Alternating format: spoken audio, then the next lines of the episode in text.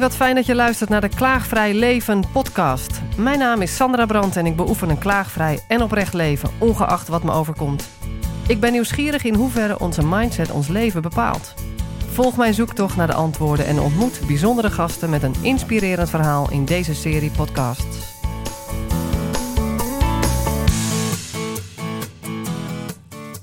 Ik ben Annette Nobuntu Mul. En ik hou mij in mijn leven enorm bezig. En zeker momenteel in het, zeg maar, het opheffen van polarisatie. Ik heb, ehm, dus het gaat over het, gevangen in zwart-wit denken. Het gaat over wij-zij denken. En dat is iets wat, eh, wat ik zie in onze samenleving, wat ik zie op andere plekken op aarde, maar wat ik ook zie in organisaties, in families en ook in mijzelf. Wauw, en waar is deze drive vandaan gekomen?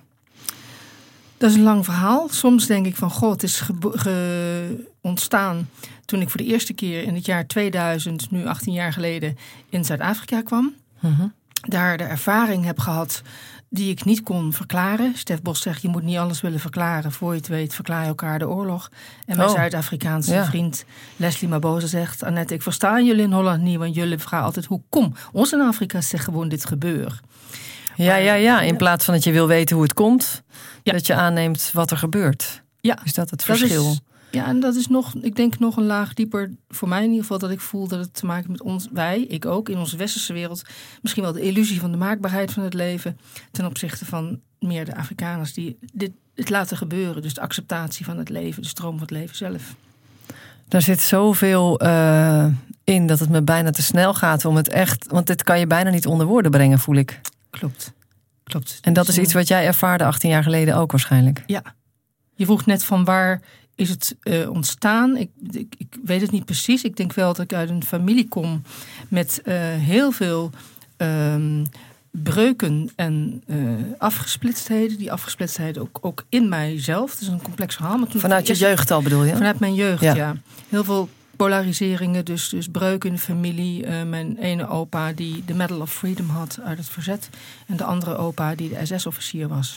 Zo, wat een verschil. Dat is een van de dingen. En ook met het geloof. De ene opa die getrouwd was, of die uh, gereformeerd was, maar uit de familie werd gezet omdat hij met een katholiek meisje trouwde. Dus al die breuken, denk ik transgenerationeel, die ook in mij zijn gaan zitten. En ik kwam in Zuid-Afrika en ik, uh, ik moest eerst huilen. En, ik, uh, en op het vliegveld stond een bord: You can leave South Africa, but it won't leave you. En ik had zo de drang, niet rationeel, echt niet rationeel, om me in de rode aarde te wentelen.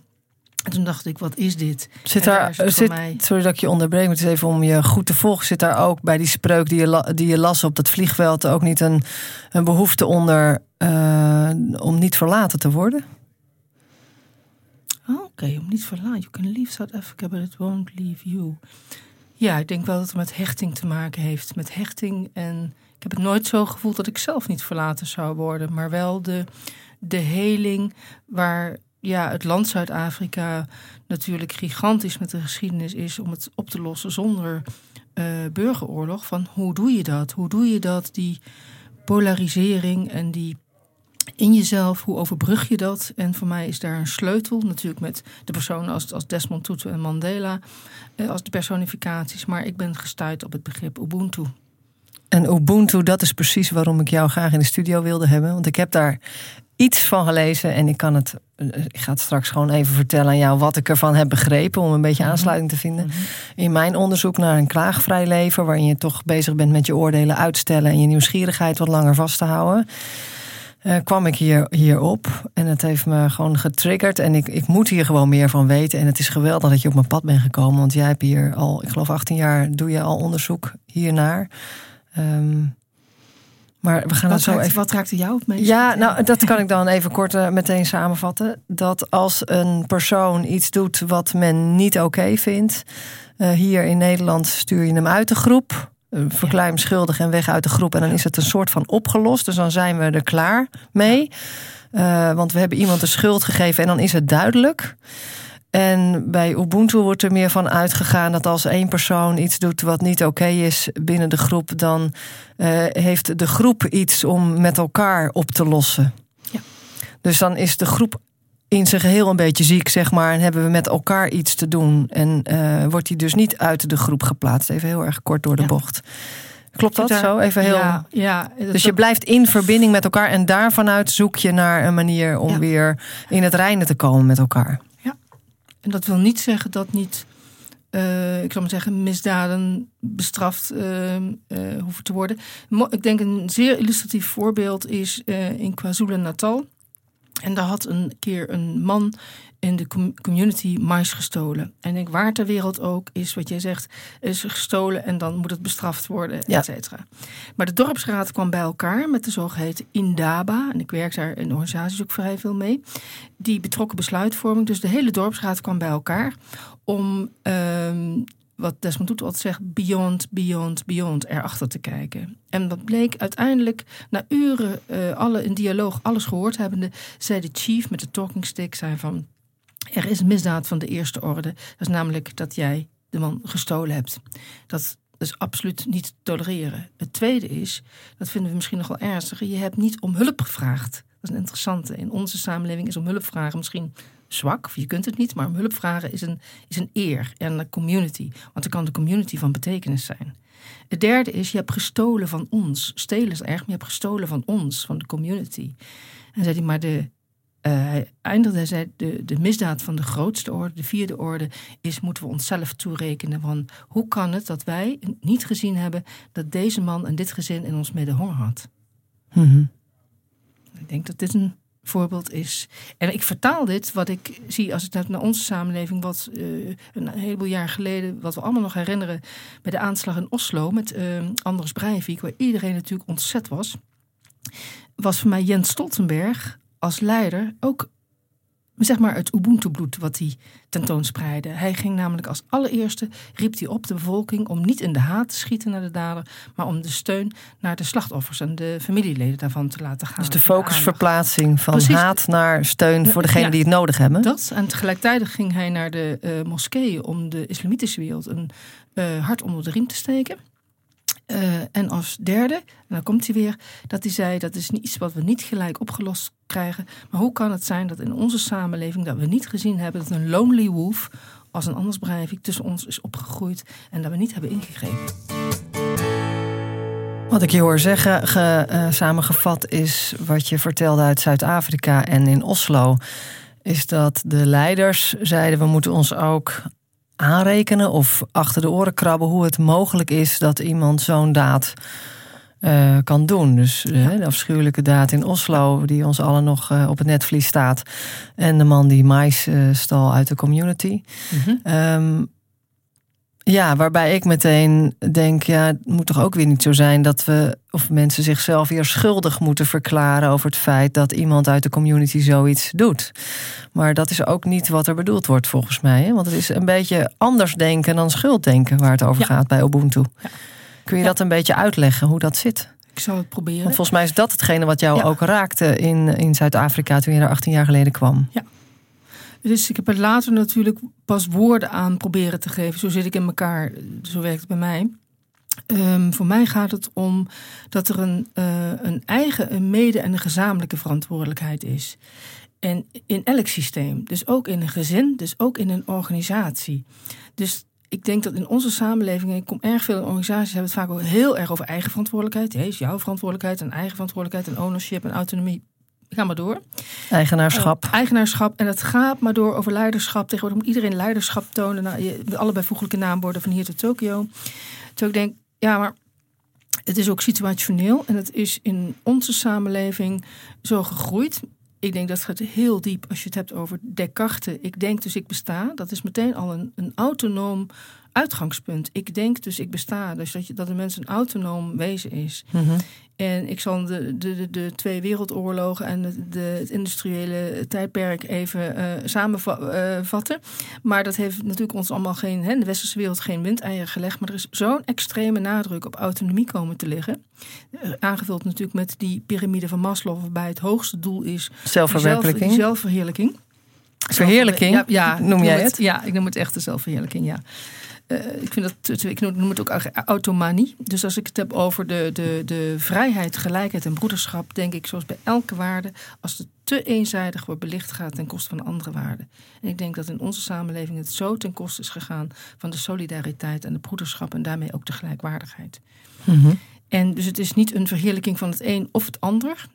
Niet dat we nou allemaal Ubuntu moeten gaan doen om het even zo te, bijna te dogmatiseren, wat, waar ik allergisch voor ben. Maar het is wel een, iets van, god, dit is zo'n andere, eh, niet ander, maar aanvullende, of noem het back to the basic. Het gaat om medemenselijkheid. Het gaat om... Nou, dit stuk is medeverantwoordelijkheid Die waar nu over medeverantwoordelijkheid, precies. Die missen is we eigenlijk. de- We slaan door in de eigen verantwoordelijkheid. Eigen, of, en dan zeggen we, ja, of we zijn gezamenlijk verantwoordelijk. En dan is ook weer niemand en verantwoordelijk. wat is het verschil tussen gezamenlijk en medeverantwoordelijk?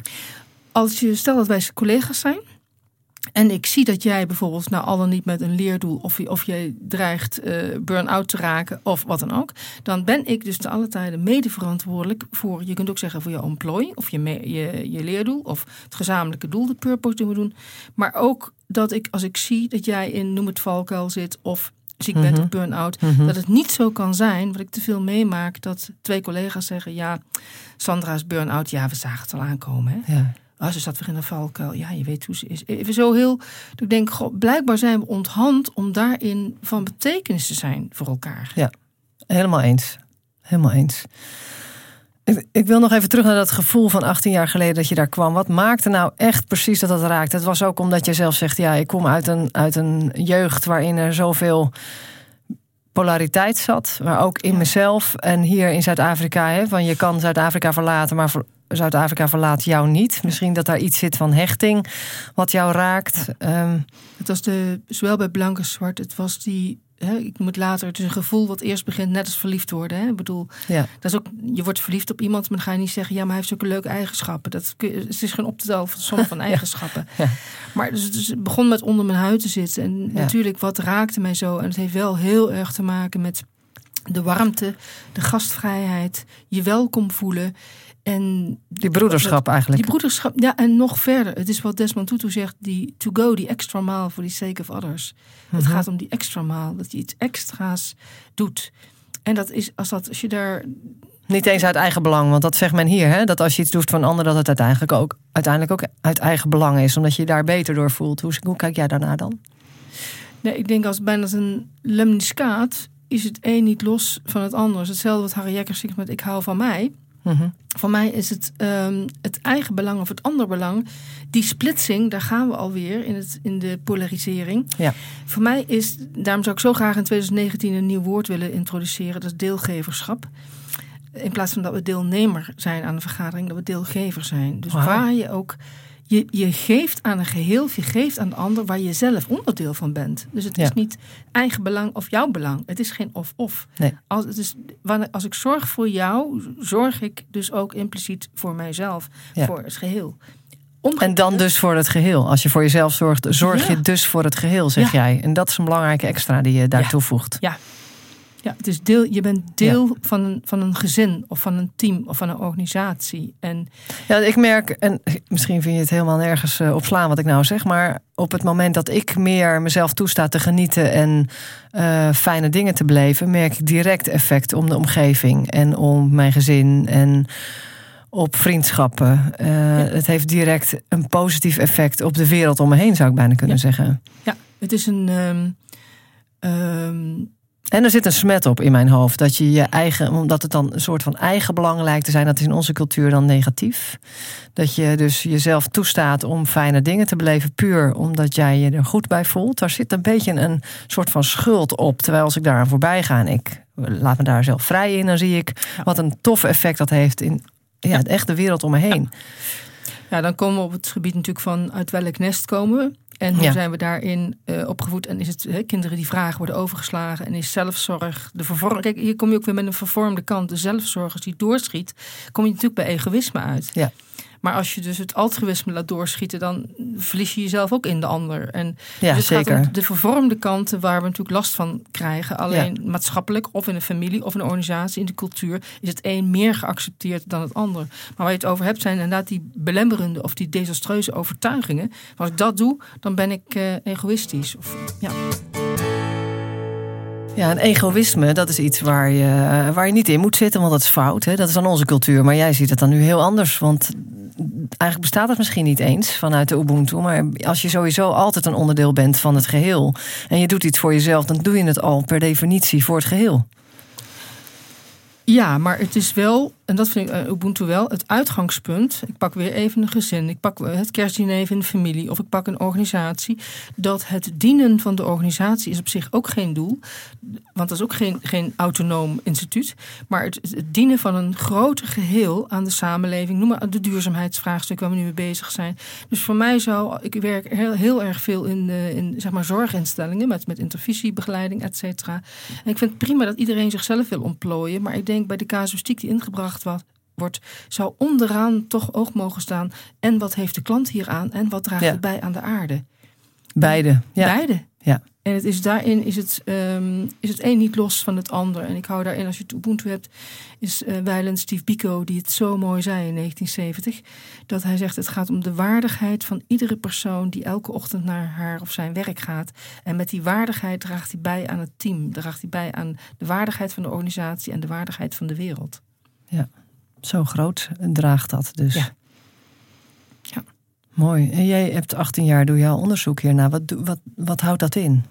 Nou ja, ik ben niet 18 jaar geleden begonnen met laat mij eens onderzoeken. Nee. Het is wel een. Uh, het begon onder je huid? Het begon onder mijn huid. Te kriebelen? En toen uh, met, met gezin en kinderen kijken of we kunnen gaan emigreren. En wat is het dan? En toen. Uh, maar een heel lang verhaal, kortmakend, heeft het geresulteerd in mijn boek, wat 18 juli is uitgekomen.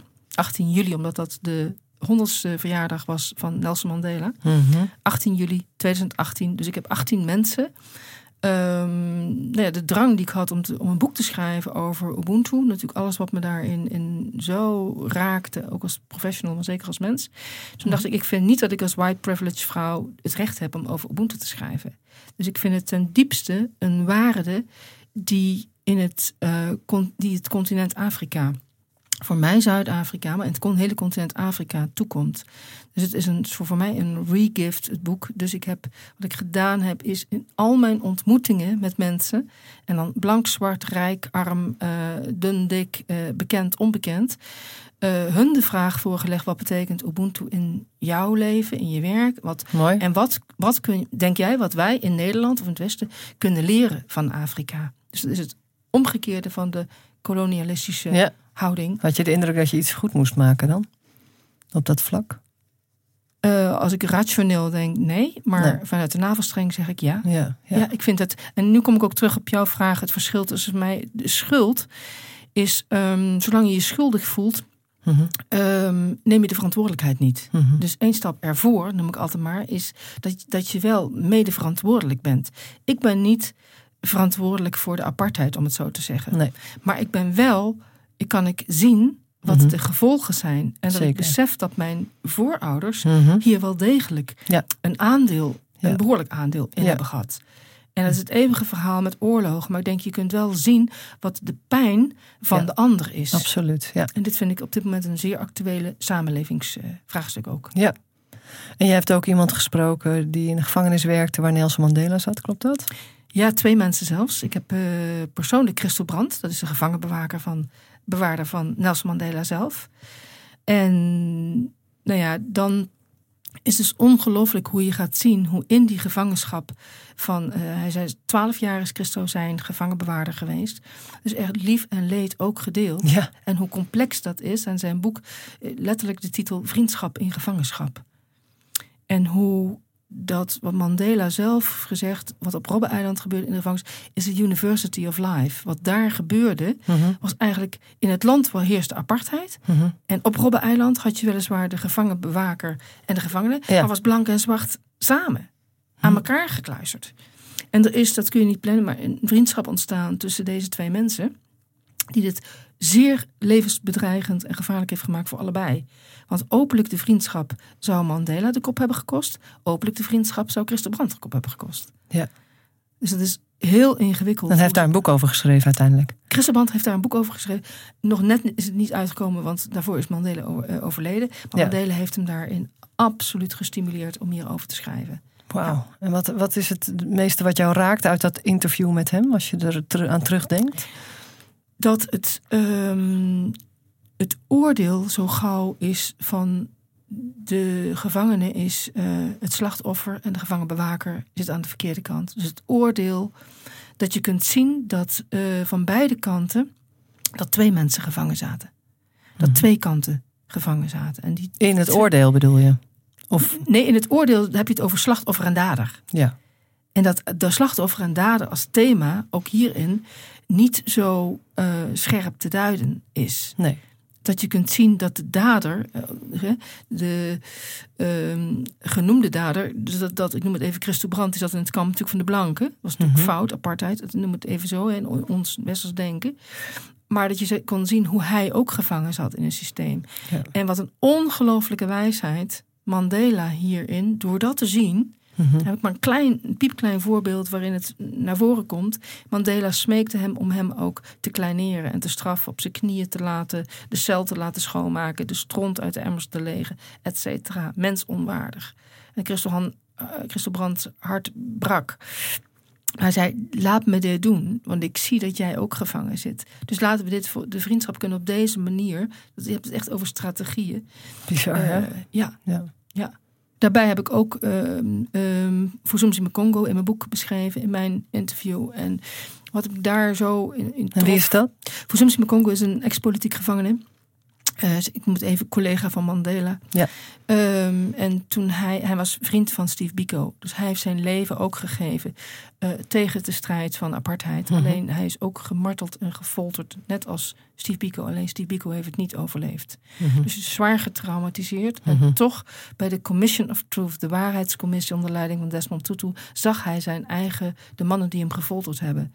En toen heeft hij ze toch de hand kunnen geven en voelde hij hoe vergeving werkt. Hij zei: Ik was zo blij dat ik uit mijn haat was, zodat ik.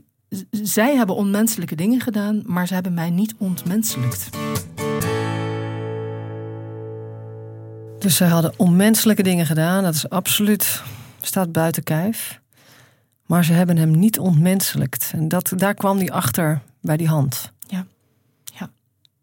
En je hebt met die man gesproken? Ja, ja, ja. Ik heb hem goed twee weken geleden nog weer opnieuw gesproken. Ja. Hoe was dat voor jou om daar zo tegenover te zitten? Dat verhaal te horen en te voelen? Ja, het is. Um, ik probeer het me voor te stellen. Onwaarschijnlijk lijkt voor. Onwaarschijnlijk. Ik probeer het me voor te stellen iedere keer. En ik probeer daar ook van te leren. Mm -hmm. Ik heb zelf helaas een, uh, een traumatische gebeurtenis meegemaakt drie jaar geleden in mijn gezin. Met mijn dochter. Um, en zodanig dat ik, uh, dat ik zoveel haat gevoeld heb naar degene die mijn dochter. Mijn dochter heeft gelukkig net overleefd. Dat ik weet hoe haat voelt. En dat, dat wou ik niet in mijn leven. Dat wou ik niet. En dat gevecht, ik weet nu wel dat. Uh, daar heeft ook mijn Po Tutu, de dochter van Desmond Tutu, me behoorlijk mee geholpen. Maar al die mensen in Zuid-Afrika, van hoe ga je om met zo uh, psychisch of fysieke langdurige foltering? Mensonwaardigheid. En, en hoe deel je dan met uh, vergelding en vergeving? En hoe zit dat? Hoe zit dat thema? Ja, want zodra dat als het ware voorbij is, de fysieke en de emotionele foltering, nou ja, voorbij, hè, mm. dan, dan, zit je, dan gaat het over in een soort ja, vergeldingsdrang of de haat. En dan blijft het eigenlijk bestaan, is dat wat je ja. bedoelt. En ja. dan blijf je daar de rest ja. van je leven mee belast. Ik, ik, zie het, ik zie het bij de mensen die ik gesproken heb, maar heel dichtbij in mezelf. Um, en, het boek en dat is een enorme struggle vervolgens. Dat is, nou, ik, ik, ik, ik snap dus wel dat die wraak en die vergelding, ja. ik noem dat, dat is dus letterlijk. is compleet logisch. Het is een, is een drug, het is een drug dat je de, de, de echte pijn, de menselijke, ja, bij je eigen pijn niet hoeft uit te komen. Is dat het? Dat is het, ja. Dat is het, ja. De vergeldingsdrang is, ja. is een manier om niet bij je eigen pijn te komen. Ja, het is, het is twee. Het is, um, het is A, een, ik noem het even een drug, meer als een pleister, om niet bij je, om dat, bij je eigen ondraaglijke pijn uh, uit te komen. En natuurlijk zit er ook een fairness stofje in onze hersenen. We hebben ja. iets van, we willen, we willen vergelding alsof daarmee de fairness wordt. Um, en dan is het klaar. Dan, dan kun je het, het loslaten. Klaar. Maar dat is dus niet zo. Het is verslavend. De vergeldingscyclus is oneindig. Oh ja? Ja. Is het niet zo dat het dan klaar is als die vergelding is geweest? Nee. Nee. Dat weet jij. Dat, dat weet ik. Kan, ik heb, kan niet zeggen wetenschappelijk, maar alle verhalen en Ja? ook in mezelf en wat ik zie. Het is echt een druk. Ik, ik denk, het is echt een druk. Ik Daarom denk, blijven mensen erin hangen. Niet Ja. omdat ze daarna rust zullen krijgen, echt. Want Ja. dat blijft Nee. gewoon doorgaan, zeg jij. ik denk de, echt, de echte rust zit in de, ik noem het de vier stappen van vergeving. En ik heb dat, dat is voor mij, als ik kijk naar ehm, Zuid-Afrika met de geschiedenis, daarin vind ik dat, als je het hebt over reconciliation, verzoening, wereldwijd, wat kunnen we hier een voorbeeld aannemen? Wat kunnen we fundamenteel hier een voorbeeld aan nemen? Ik sprak een van de, ook weer ex-gevangenen op ehm eh, Robben-eiland, eh Dumizani Mwantla. En toen vroeg ik aan hem, wat maakt nu dat jij ons blanken niet haat? En hij Mhm. wees op een blanke man en op een groepje kinderen. En hij zei, when we fight, hij en de blanke man, we destroy their future. En hij wees naar de kinderen toe. Hij wees naar de kinderen. Dacht ik, oh, in Wat een wijsheid, hè? wat een wijsheid. Hoeveel echtscheidingen, beter gezegd, vechtscheidingen zijn er op dit moment niet? Wat Ja. zou het fundamenteel kunnen zijn dat Mhm. ouders zeggen: When we fight, we destroy their future. Ja. Maar in organisaties waar men rollenbolt met directies en met, nou ja, soms met zes ton eh, bij de rechtbank er vandoor kan, kan gaan, eh, dan denk ik: Oh, of je het hebt over de medewerkers of over de klanten. Wat zou het mooi zijn? When we fight, we destroy their future. Ja. Wat zou het als politici? Niet dat iedereen zijn eigen achterban loopt te bevredigen, maar dat je met elkaar denkt: wat zijn de maatschappelijke issues waar we met z'n allen voor staan? Dat de partij, ego en partij overstrijdend is, omdat je zegt: when we fight, we destroy their future. Je had het over de vier stappen van Vergeving. vergeving. Vertel eens. Het is gebaseerd op eh, de waarheidscommissie van Desmond Tutu en beschreven in het boek, het boek van vergeving van Desmond Tutu en Mepo Tutu. Om uit die vergeldingscyclus te stappen, is het eerste is de pijn benoemen. Mhm. Sorry, neem me niet kwalijk, stap twee. Het eerste is het verhaal vertellen. Mhm. Het verhaal met hoe alle details in jouw beleving, dus die erkenning van jouw verhaal, jouw versie er mag zijn. Dus dat kan van hotten en stoten, dat kan van het hele verhaal vertellen, vertellen, vertellen. En dan dat de erkenning en dichtbij, dat de ander dus de pijn eh, erkend wordt. Mhm. En dan komt de derde stap, vergeving vragen of vergeving geven. En als vierde stap is de relatie loslaten of de relatie herstellen. En hoe is dat voor jou eh, in jouw leven sinds drie jaar geleden gegaan? Want heb jij die vier stappen dus doorlopen? Hoe is dat? je hoeft Nou, niet in detail het- te treden Nee, nee, nee. Ik heb, het is mij nog niet gelukt, eh, zeker niet om de relatie te herstellen, omdat daar ook geen sprake was van een, eh, althans bekende relatie. En het idee dat we allemaal met elkaar verbonden Met de dader zijn. bedoel ja, je? Ja, ja, ja. Ik denk wel eh, dat ik misschien mezelf, omdat ik zo met Ubuntu bezig ben, dat ik mezelf iets te snel heb opgelegd dat ik moest vergeven. Ja. Dat een soort, en ik denk dat, weet ik nog, dat mijn poot toe te zei van, oh, nou, eigenlijk wilde ik, ik wilde al bij vergeven, maar ik wilde weg van de pijn. Ik kon de pijn Ja. niet dragen. Nee, dus je bleef bij stap twee hangen Ik, eigenlijk. het verhaal vertellende pijn, daar, daar ben ik, en dat is nu wel. Maar misschien moet je die tijd nemen die nodig is daarvoor, Precies, toch? Dus in precies. plaats van jezelf te forceren Ja, om even nou, die stappen door te nemen. Absoluut. Maar Ja, ik zou het wel fijn vinden zonder pijn. Dat is, Ja, dus je wilde vanaf, ik- ik wil maar, vanaf. maar je kan er pas vanaf als je er niet vanaf eh, wil misschien. Ja, en ik denk dat het is heel helpend dat ik natuurlijk als je keer om je kind gaat, dat mijn dochter Jeetje, toen nou. zei van nou, toen de dader zeg maar gepakt was, dus, eh, Ja. alle rechtszaken spelen, eh, zei ze van, "Goh, mam, nu ben jij in tranen, zou zijn moeder ook in tranen zijn? En ik, oh, hoe mooi. en dat kind, van jouw dochter als slachtoffer zijn te horen. Ongelooflijk, ja.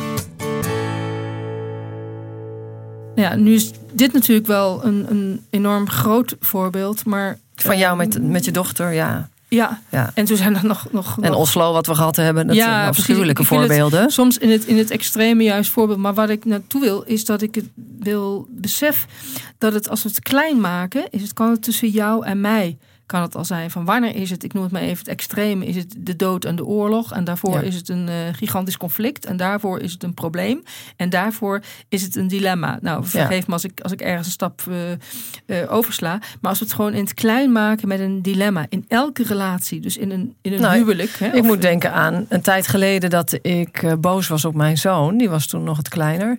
En dat ik hem echt boos van zijn stoel pak en op de grond zette. En dat ik heel boos was. Maar doordat ik hem op de grond zette en hij met zijn sokken stond, gleed hij achteruit en viel hij op zijn achterhoofd.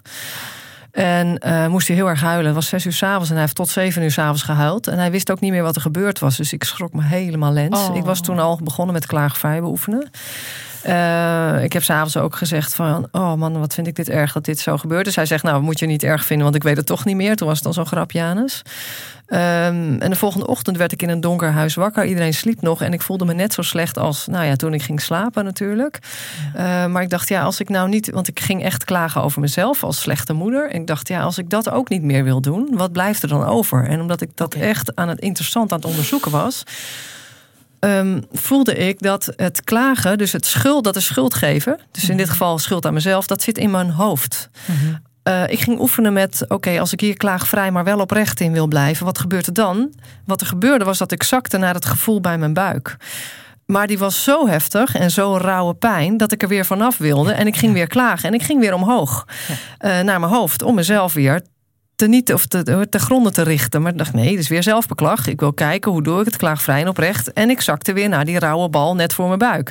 Totdat het me lukte om daarin te blijven zonder gedachten. Het was echt helemaal niet fijn om te voelen. Mhm. Het was heftiger dan toen ik ging klagen. En dat sluit aan op jouw verhaal. Dat je dus eigenlijk niet naar die pijn wil die je voelt. En dat je daarom maar een schuld gaat geven. Of nou aan jezelf is, of misschien ook wel aan een ander. Misschien werkt dat zo ook wel. En ik denk dat het twee minuten geduurd heeft. Totdat het daar gewoon op gewoon voelbaar opgelost werd. Dus niet mhm. oplossen met je hoofd, zoals we vaak het woord oplossen als werkwoord gebruiken. Mhm. Maar het loste op in een soort energiebal dingest, ik weet het niet. Mhm. En waarna ik weer mezelf ging afvragen, hoe wil ik hem nu tegemoet treden deze ochtend? En dat is voor, voor de rest uh, prima gegaan en heel liefdevol. Daar voelde ik echt voor het eerst heel duidelijk het verschil tussen beklagen, schuld geven en werkelijk doorvoelen wat er is in het moment. En volgens mij is dit compleet het Ubuntu-idee. Wat, ja, wat is je reactie als je het zo hoort? Nou, er ging heel veel door me heen toen ik het net hoorde. Ik denk, oh, als eerste, ik denk, oh, ik ben zelf ook moeder. Ik denk, oh, ik kan me dat helemaal voorstellen. Ik denk hoe, nou ja, hoe het werkt met, met, met pijn en schuld, pijn en klagen en schuld, hoe, hoe die afwisseling hè, in jezelf. Ik denk dat is de innerlijke, ja, noem het maar de dialoog.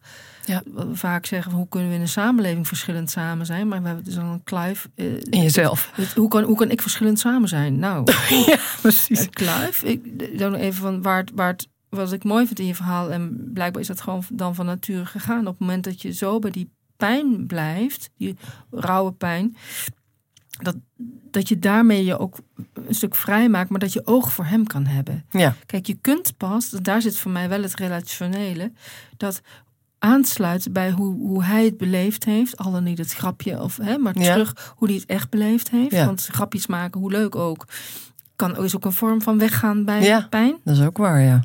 Dus denk van hoe heb je oog? Het gaat, voor mij is het thema over erkenning. En, en dat is uh, prachtig bijvoorbeeld in jouw gezin. Dat kan in organisaties zijn van als, als je iets gedaan hebt van goh, dit, doet mij pijn, maar ik zie ook jouw pijn. Maar dat begint dus bij de erkennen van die van jezelf, bedoel je te zeggen. Waarna je weer open kunt staan voor de ander? Ja, zodra je bezig bent met schuld, schuld naar jezelf, schuld en zelfverwijt of schuld naar de ander, ja, schuld naar de ander is, is, uh, is, is verwijderend. Dus dan, als ik zodra ik jou aanval, is het dan gaan we uit contact. Verwijt gaan we uit contact. En als ik schuld in mezelf en verwijt, dan ga ik, uh, dan snij ik een contact in mezelf af. Ja. En ook dat breng ik dus in een relatie. Dus ja. het zit heel ingewikkeld in elkaar. Zeker, ja. Het is circulair, maar ik denk wel het, um, het, het, alleen maar um, helen in onszelf. Zo van, nou ben ik hè, even klaar voor mezelf en wat dan ook voor mij zou in Ubuntu dus echt terugkomen erop van... Goh, ik wil erop terugkomen. Ja. Ik vind dat heel moeilijk. Dus en je eigen pijn, maar het is Zeker. voorop. Misschien is dat wel dat in de begroeting vanuit Ubuntu... is het eh, heel kenmerkend, is het Sabubona, is ik zie jou. En ik mhm. zie jou is de, de openingszin. En dan zegt de ander als antwoord Sikona, hier ben ik. En denk, hoe mooi is dat als je ervan uitgaat... in dilemma's dat je start met het zien van de ander. Of met het niet begrijpen van de ander. En dan de hand van hé, hey, het voelt niet goed. Ik, ik begrijp je niet. Vertel. Dus het is uitnodigen iedere keer. Dat dus ik begrijp je niet en meteen een nieuwsgierigheid. De nieuwsgierigheid, ja. Ja, vanuit de nieuwsgierigheid. Maar het is, het is nieuwsgierigheid lijkt ook een strategie. Maar het is natuurlijk daaronder de betrokkenheid. Op het moment dat ik de relatie met jou wil mhm. versterken, verbeteren, mhm. herstellen, wat dan ook. Die, die drive moet er zijn. Als ik niks met je wil, waarom zou ik, het, waarom zou ik dan nieuwsgierig zijn? Nee, dat klopt. Maar wat, eh, ja, niet maar. Ik bedoel, wat ik als vanzelf merk is zo, zodra je je oordelen wil uitstellen of eigenlijk voorbij oordelen wil kijken in de wereld, mhm. dan kom je vanzelf bij nieuwsgierigheid uit. En nieuwsgierigheid is maar een woord, maar maar uh, het is eigenlijk een openheid. Je blijft open. Je oogkleppen blijven af. Je oren blijven, alle zintuigen, je zesde ook. Die blijven, want zodra het op schuld gaat en op wijzen naar jezelf of naar een ander, maakt niet uit. Dan, dan, dan mat je wat af, dan stop je wat dicht. Maar zodra je daaraan voorbij wil gaan, blijf je open. Dat noemen we dan nieuwsgierig, maar dan ontvang je meer. Zoiets ervaar ik in mijn leven. En hoe ik, nou, waar ik ook kom, ik, ik ben gezinstherapeut, ik ben organisatieadviseur. Ik denk, ja, maar het maakt niet zoveel uit. Als we het hebben over de communicatie, hoe belangrijk is die, wat ik altijd noem, de complete boodschap. Mm als ik iets van ruis voel, dat begint bij mhm. mezelf. Van goh, hè, zoals Sandra, ik, ik, ik, ik heb een dilemma, noem ik het maar even. Hè, want ik, zit ergens mee. Uh, heb je even tijd? Neem je de tijd? Ik moet het al voelen. Ik vind het doodeng, want dan kom ik met iets ja. Waarvan ik hoop dat, dat ik het goed zeg en jij het niet als een verwijt oppakt. Of weet ik het. Er zit al spanning op. Maar... Er spanning op, maar ik kan beter maar die spanning meteen op tafel leggen. Dat maakt dat ik het niet 100% hoef te doen. goh, dan is die ruis al weg. Dan is die ruis al weg. En dat is al een. een uh, maar dan kom je meteen bij je eigen kwetsbaarheid uit. En dan is het natuurlijk heel snel. Ik snap ook wel dat jij. En als mhm. je dat niet voelt, dan. Nou, veel succes ermee. Maar dan blijft die ander natuurlijk iedere keer herhalen. Of die gaat in de verdediging of wat dan ook. Dus het gaat om letterlijk die ander. Je merkt in het mhm. contact of die ander zich ook erkend en gezien voelt. Mhm. Dan ook weer terug naar jezelf. Van wacht even, er is wel iets. Ik heb ook iets nodig van jou. Wil ik weer door kunnen in het contact? moet wel een afspraak maken. Ik moet ook iets, iets krijgen. Of ik heb ook iets nodig. Wil ik, dan heb je dus daar verbind je weer die. Hoe verbind ik de zorg voor de ander met de zorg voor mezelf?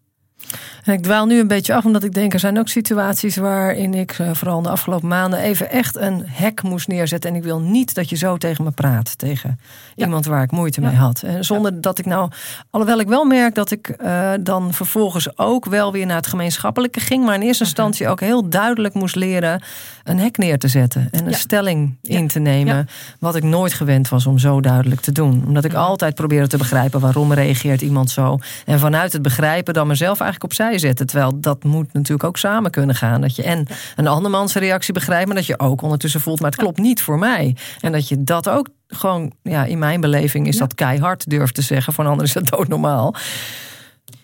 En dan is dus volgens mij, ik snap jou. En die derde stap van wat ik nodig heb, is dus nu. En of nu tijdelijk of, e- of levenslang is. Is dus het hek. Ik heb nu. Maar dan, dan benoem je als het ware. Het voel je ook in je benoemt in de communicatie met de ander. Dat het een zelfbescherming van jezelf is. Ja, dat is klopt. Iets anders.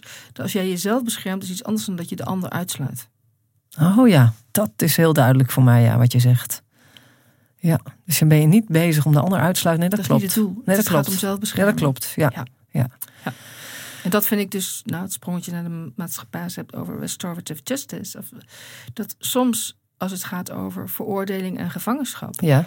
dat het niet gaat om de vergelding van krijgt mm iemand nou 10, 12, 14 jaar of 16 mhm. jaar. En dat, mhm. die, die, maar het gaat erom uiteindelijk van dat hoe kunnen we voorkomen, op wat manier dan ook, dat deze persoon de samenleving schaadt. Mm nou, de actuele discussie op dit moment ook over hè, wel of geen TBS. En van wanneer is, is en blijft iemand ingeschat, met alle gezamenlijke onmacht ook. Maar is gaat het meer om de bescherming van de samenleving dan op het straffen van het individu? Ja, en hoe is dat concreet? Wat voor verschil maakt die twee zienswijzen welke je kiest? Dus straffen van individu is meer hier in onze cultuur, zeg jij, de focus op? Ja, Terwijl het meer mag naar hoe beschermen we de samenleving. En ik zie die verandering ook. Ik zie dat op dit moment ook landelijk de, de, bij justitie ook de discussie daarover gaat. Een stuk wat met Anne Faber gebeurd is, is, is gruwelijk mhm. iets. Maar dat, dat legt die zenuw zo bloot. Van oeh, wat is het recht van één individu? En wat is de bescherming van de samenleving? En hoe mhm. gaan we daar, hoe doen we dat? Ja, en ik vind het daar, ik juich het enorm toe ook bij reclassering dat er altijd wordt gewerkt naar zeg maar reïntegratie in de samenleving. Niet zomaar, maar ja, dat dat niet een eenzijdig verhaal is. Nee, duidelijk. Is er nog iets wat je absoluut kwijt wil in deze podcast met jou? Nou, ik denk het voorbeeld nog uit Zuid-Afrika. Wat ik, uh, um, dat is namelijk de story van Amy Beale. En Amy Beale was in 1993 een Amerikaanse uh, rechtenstudent. En dat verhaal heeft mijn leven zo veranderd. Uh, zij heeft, kort samengevat, uh, heel idealistisch gewerkt als rechtenstudenten voor het stemrecht van zwarte vrouwen in 1993.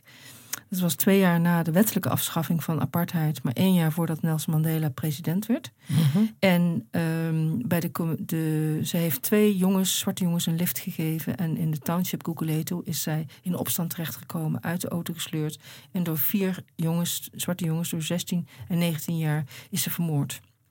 En bij de Commission of Truth, onder leiding van Desmond Tutu, zijn de ouders naar Zuid-Afrika gekomen om Mhm. de moeders van de moordenaars te treffen. Uiteindelijk hebben ze gepleit voor vergeving van deze jongens. Zo. En zeiden ze, dit is niet deze kinderen die ons kind hebben vermoord, maar het apartheidssysteem waar we allemaal wereldwijd een aandeel in hebben. Ongelooflijk, hè? En dit is twee, na vier jaar gevangenschap kwamen ze de jongens vrij. En twee daarvan in de vergetelheid geraakt. En twee, ik ken ze goed, beschrijft ze ook in mijn boek. Ehm, die daders zijn, dus De daders, eigenlijk? die zijn, ja, de ouders van Amy Biel hebben hun geadopteerd. Echt waar? Ja, ik, ik ja. Bizar. Zo, ik zou het niet bijna geloven als het Nee. niet met En je hebt contact ook met ja, die. ja, ja, ik heb nog vorige week nog met de moeder van Amy Biel eh, contact gehad. Ehm, dus ook zij is een groot voorbeeld van mij. Van Ja. Hoe doe je dit? En Dus beschrijf je dat ook in het boek? Ja. Van jou? Ja. Ja. Hoe heet het boek en waar kunnen mensen het vinden? op zoek naar Ubuntu. Op zoek met O-P-S-O-E-K. Op zoek Op een S op Afrikaans. Afrikaans. Ja, en ze kunnen het vinden bij eh www.ubuntusociety.nl. Dat is jouw website. Dat is mijn website. Ik eh, ga absoluut kijken, want ik moet je boek hebben. En, het van me. oh, nog fijner. Anders had ik het absoluut besteld. Het eh, mooie, mooie spreuk van Kevin Chaplin, de managing director van de Amy Biel Foundation. You build a living by what you earn, but you build a life by what you give. Nog een keer.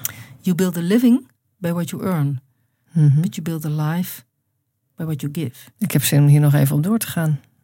Wat, wat, ga nog even door hierop, op deze uitspraak. Wat, wat raakt je daarin? Ja, voor mij is het opnieuw weer het, het, eh, het bijdragen aan een groter geheel. Ja. In plaats van iedere keer dat, dat geld en dat naar ik, naar ik gericht. Ja, Ja. de richting. Hè? De richting, richting. verandert. Ja. Hè? Dus gaat het Ja. naar mij of doen we het met elkaar? Met En elkaar. Doen we het in de wereld? Ja, Dankjewel voor dit heerlijke interview. dankjewel dat ik hier mocht zijn.